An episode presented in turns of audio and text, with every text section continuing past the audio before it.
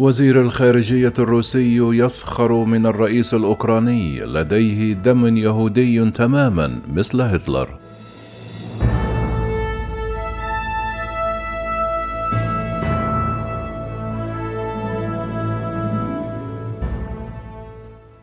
هاجم وزير الخارجية الروسي سيرجي رافروف أوكرانيا ورئيسها فليدمير زيلينسكي يوم الأحد خلال مقابلة في إيطاليا زاعما أن كونه يهوديا لا ينفي العناصر النازية في بلاده وأعتقد أن لأدولف هتلر دم يهودي أيضا.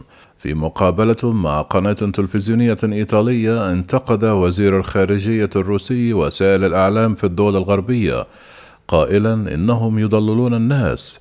الإعلام يتحدث عن أهداف روسيا في العملية العسكرية في أوكرانيا وهي أهداف غير موجودة على الإطلاق حتى أن لافروف اتهم أوكرانيا باستخدام مرتزقة وضباط عسكريين غربيين دون تقديم أي دليل يدعم مزاعمه.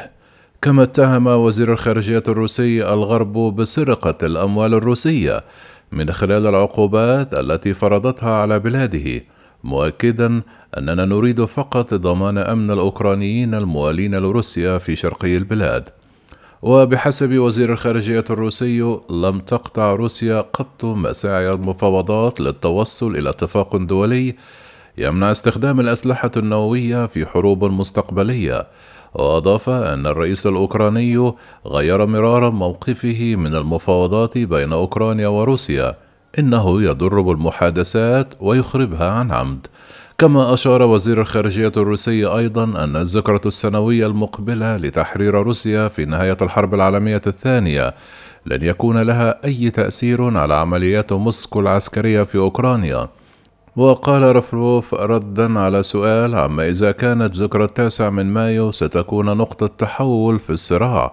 قال إن جنودنا لن يبنيوا أفعالهم على تاريخ محدد. أضاف متحدثا باللغة الروسية من خلال مترجم إيطالي سنحتفل بذكرى انتصارنا بطريقة جليلة لكن توقيت وسرعة ما يحدث في أوكرانيا سيتوقفان على ضرورة تقليل المخاطر التي يتعرض لها المدنيون والجنود الروس.